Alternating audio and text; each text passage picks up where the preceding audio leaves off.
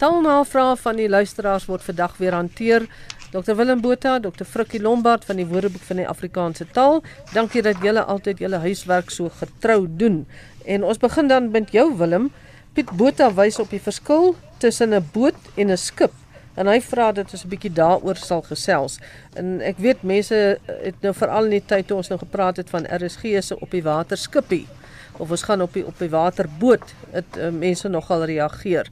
So kan jy vir ons in kalmer waters bring met uh, hierdie twee gebruike?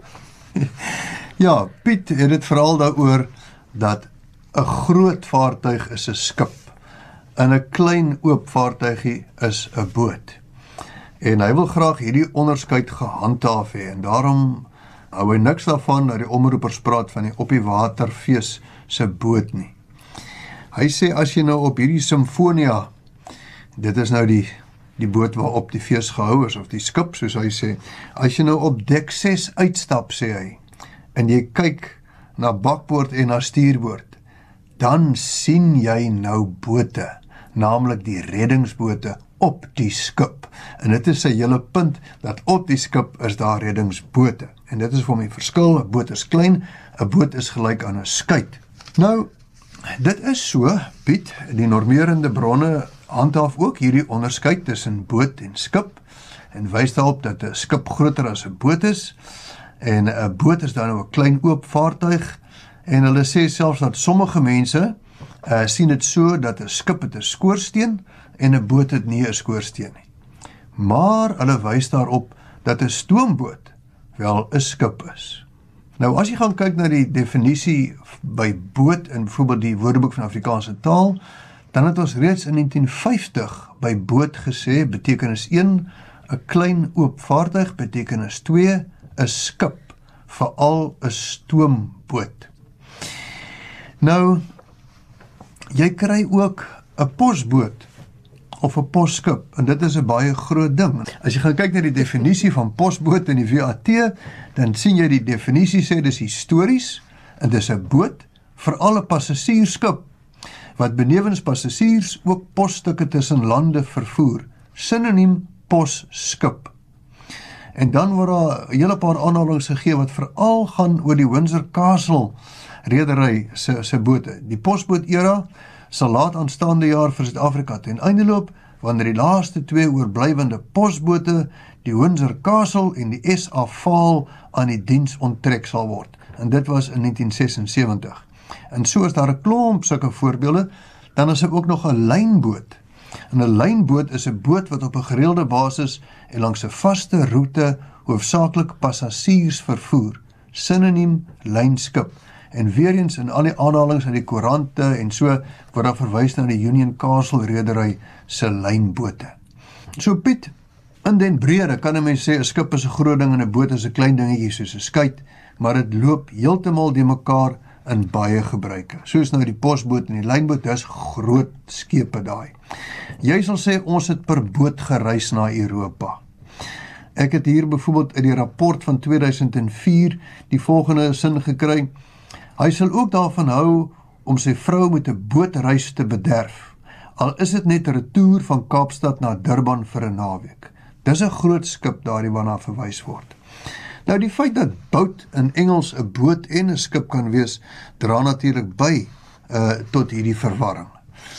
Maar ten slotte kan ek net sê 'n boot kan 'n skip of 'n skuit wees. Ons kan nie daarvan wegkom nie. Ehm um, dan die kwessie van ry. Hy sê hy kan nie verstaan dat die mense sê hulle gaan op 'n boot ry nie. Ehm um, mens ry tog op dinge met wiele. Nou, as jy kyk na die definisie van ry in die Woordeboek van Afrikaanse taal, dan staan daar voortbeweeg na of van geleenthede of tussen plekke of bestemmings. Maar dit jy kan met enige iets tussen daai bestemmings beweeg. En dan is daar nou hier 'n uh, aanhaling uit die burger van 1989 Hy en sy vrou en hulle seentjie het met die gesin se motorboot op die dam gaan ry om piknik te hou. Jy hoef nie te sê dit gaan vaar nie. So bote kan wel ry, jy kan ook op 'n vliegtuig ry. Hier is 'n aanhaling uit die rapport van 1999. Verlede jaar het hulle die eerste keer met die vliegtuig gery. So die dinge is 'n bietjie meer los, uh, Piet. Soos ek sê in den brede is 'n skip groot en 'n boot klein, maar soms is 'n boot ook 'n skip. Ja, en ons kry ook 'n samestelling soos bootrit. Ons het heelwat voorbeelde in ons dataversameling by die WAT van bootrit waar dit mense is wat na Europa toe gery het of na die Skandinawiese lande op 'n bootrit. Net vir al wat ons weet het daardie bote baie uh, movies se groot diep wiele dat hy wel ry. Iemand moet miskien vir ons sê want ek het nog nooit gesien wat gaan onder 'n boot aan nie. Enigiets is moontlik deesdae. Dit ja. dink my aan die uh, debat wat daar ook altyd is oor hy en sy is 'n boot of 'n skuit, 'n mm. uh, hy mm. of 'n sy. Dit is yeah. Ja. ons het al daaroor gepraat, maar dit kom kort kort weer op 'n ander dag, dan sal ons weer daaroor yeah. Ja. praat. Goed, uh, Frikkie, 'n gretige luisteraar wil weet of geslaagd met 'n D en geslagdheid korrek is en of dit nie geslaag en geslaagheid kan wees nie. Uh daar's ook ander vrae, maar dit lyk my by geslaagd gaan dit oor die D aan die einde of nie. Ja, inderdaad. Ons 'n mens kan daar met vrug gaan kyk in die uh, nuwe AWS reël uh, 11.5 waar dit juis gaan oor uh, voltooide deelwoorde. Nou voltooide deelwoorde wat in 'n in 'n werkwoordfunksie het, word altyd sonder die d aan die einde geskryf behalwe as die grondwoord reeds op d eindig. Ons praat van uh, iemand slaag en as jy dit in die verlede tyd aandui met 'n verlede deelwoord dan sê jy Jan het geslaag. Daar sit jy nou glad nie 'n D aan nie. Maar jy verbreed die pad, want hy het die pad verbreed of die pad is verbreed, daar is die D natuurlik reeds daar. Nou as jy 'n voltooide deelwoord kry wat jy as byvoeglike naamwoord gebruik of as bywoord, dan is daar twee groepe waarin dit verdeel kan word. Daar's 'n groep wat nooit sonder die slot D gespel word nie, byvoorbeeld bedaard, bejaard, benoud, ongedeerd, gewild.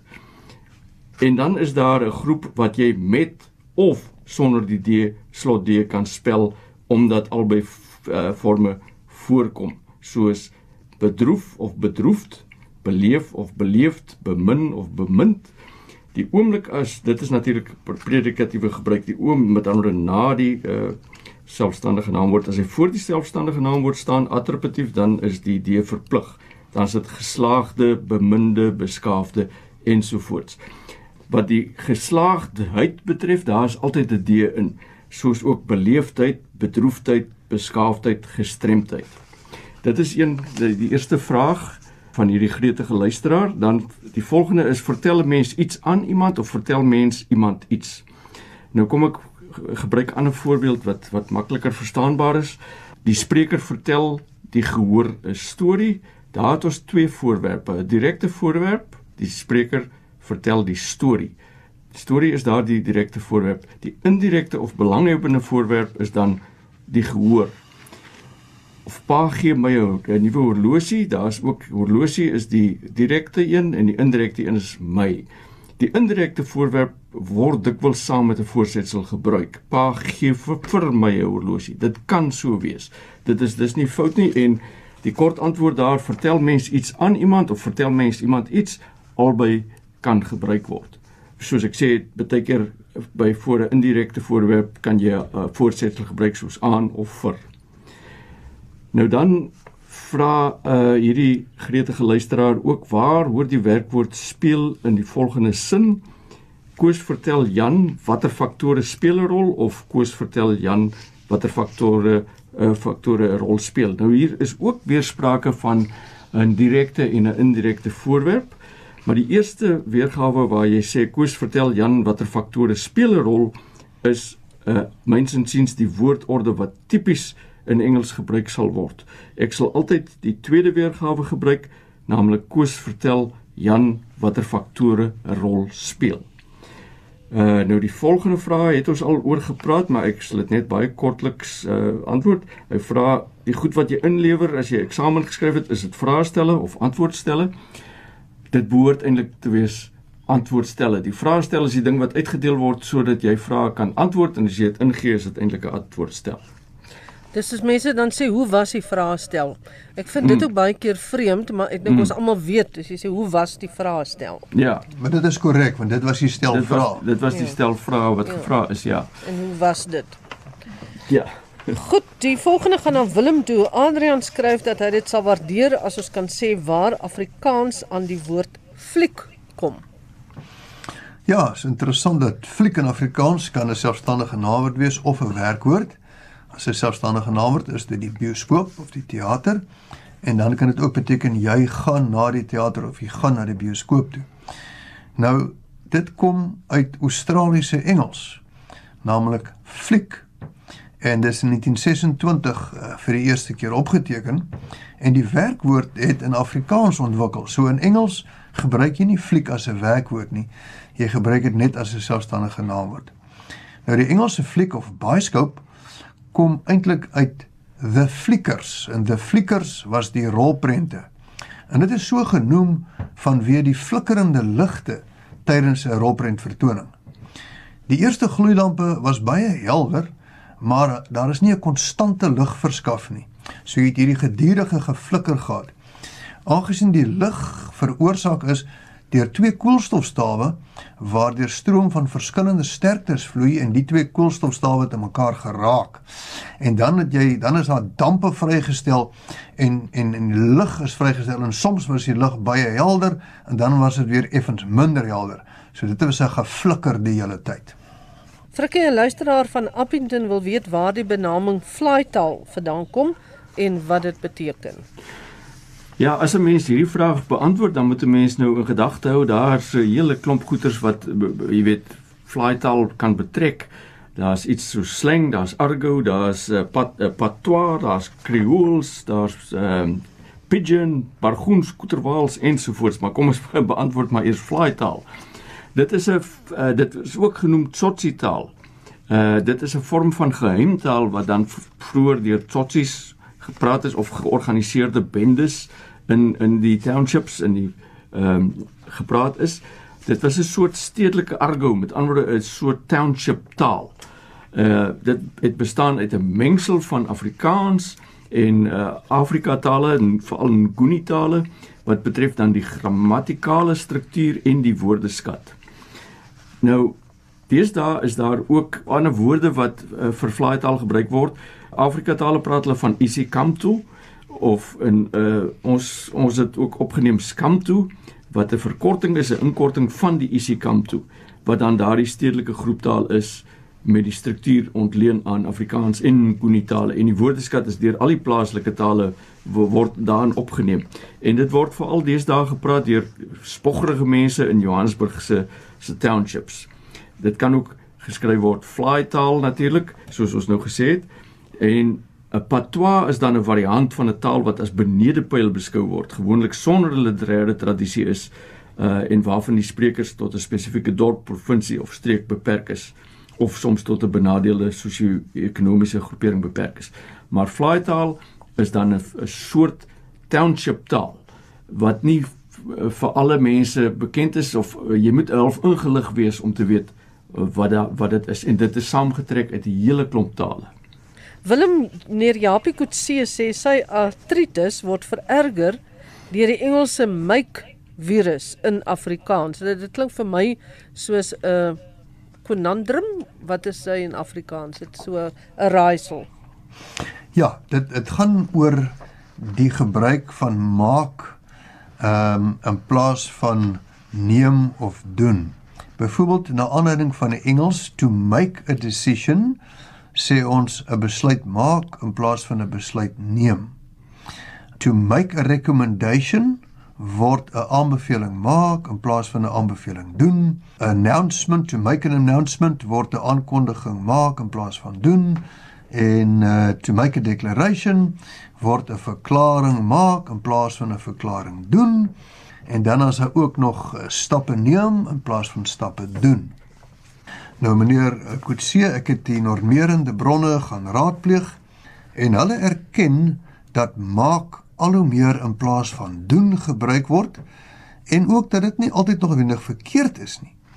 Maar hulle hulle doen tog voorstelle hoe die verkeerde gebruik vermy kan word. Naamlik, eerstens, maak die selfstandige naamwoord wat saam met doen of maak gebruik word 'n werkwoord. Met ander woorde, In plaas van da, daarvan om te sê 'n voorstel doen, sê ons net voorstel. In plaas van 'n verklaring doen, verklaar jy net. In plaas van 'n aankondiging doen, kondig jy net aan. In plaas van 'n aanbeveling doen, beveel jy net aan. Dan indien dit nie moontlik is om so 'n enkele werkwoord te maak nie, dan is dit die veiligste om doen te gebruik. En dan derdens, jy kan ook doen of maak wat eintlik maar leë werkwoorde is, kan jy vervang met 'n heel ander woord. Byvoorbeeld, in plaas van 'n ondersoek te doen, kan jy ondersoek instel. So daar is 'n uh, paar wenke hoe om die doen maak probleem te vermy, maar tog sê die normerende bronne ook dat uh, maak al hoe meer gebruik word in plaas van doen en daar is nie veel aan te doen nie, maar sê hulle daar's tog 3 wenke wat hulle gee hoe jy dit heeltemal kan vermy. Frikkie François van Durban wil vra dat ons oor biljoen en miljard moet gesels. Nou, ek wil amper sê dis nou die biljoenste keer wat ons oor miljard moet gesels. Ja, dit is so uh, want want dit uh, mense raak verward daaroor. Ons hoor byvoorbeeld op ons nuus uh, daar word gepraat van biljoene wat wan aangewend is. Nou uh, is dit nou 'n 1000 miljoen of is dit nou 'n miljoen miljoen? Uh mense wonder daaroor want dit is nogal 'n aansienlike verskil. Nou wêreldwyd word op verskillende maniere van verskillende maniere gebruik gemaak om groot getalle te benoem. En daar kom veral twee skale voor wat ons noem die lang skaal en 'n kort skaal. In die meeste Engelstalige lande word tans die kort skaal gebruik, maar in talle lande op die Europese vasteland word die lang skaal nog gebruik. Nou kom ons kyk maar na na hierdie skale. Uh wat beteken die lang skaal? Wat beteken die kort skaal? Die lang skaal benoem die terme vir uh, getalle groter as 'n miljoen uh, in spronge van miljoene. Dit wil sê elke volgende term be eh, benoem 'n getal wat miljoen keer groter as die vorige is. Dit is dan die lang skaal. In hierdie skaal beteken biljoen, daai b staan vir 2. Dit beteken dan miljoen miljoen. 2 maal wat 2 bevat of dubbel 2 is. Triljoen is dan miljoen, miljoen, miljoen. Die 3 beteken 3 maal natuurlik. Die kortskaal benoem weer die terme vir getalle groter as 'n miljoen uh in spronge van duisende. Dit wil sê elke volgende term benoem 'n getal wat 1000 keer groter is as die vorige. En in hierdie skaal beteken biljoen dus 1000 miljoen, waarvoor ons gewoonlik sê miljard. Ehm uh, nou dit kan natuurlik tot groot verwarring lei. Dit word ook vererger deurdat Groot-Brittanje vroeër jare die langskaal gebruik het en dit steeds histories kan voorkom in elk geval. Uh in Suid-Afrika word die langskaal wetlik voorgeskryf. Dit is die uh, sogenaamde Measurement Units and Measurement Standards Act wet nommer 18 van 2006. Maar mense moet ook sê baie keer word daar in Suid-Afrikaanse Engels veral in die handels- en finansiële wêreld word die kortskaal meestal gebruik. Kanada gebruik albei skale, 'n kort skaal in Engels en lang skaal in Frans. Uh, maar soos ek gesê het, dit word by wet word die lang skaal vir ons land nog voorgeskryf. En daar sal ons moet stop. Baie dankie vir julle verduidelikings vandag, Dr. Frikkie Lombard en Dr. Willem Botha van die Woordeboek van die Afrikaanse taal. En as daar luisteraars is wat die volgende navraag ingestuur het, ons gaan dit met die volgende opname hanteer. Pater Noster, roekelose nalatige bestuur fooi, dakskroewe, warmwatertoestel of geyser, stapelforme of pleonasme en sambreel en paraplu. Is ek reg dat ons 'n volgende keer sal hierdie woorde sal hanteer my gas? In inderdaad. Sekerlik. Baie dankie vir die saamkuier en groete van Magdalene Kreer.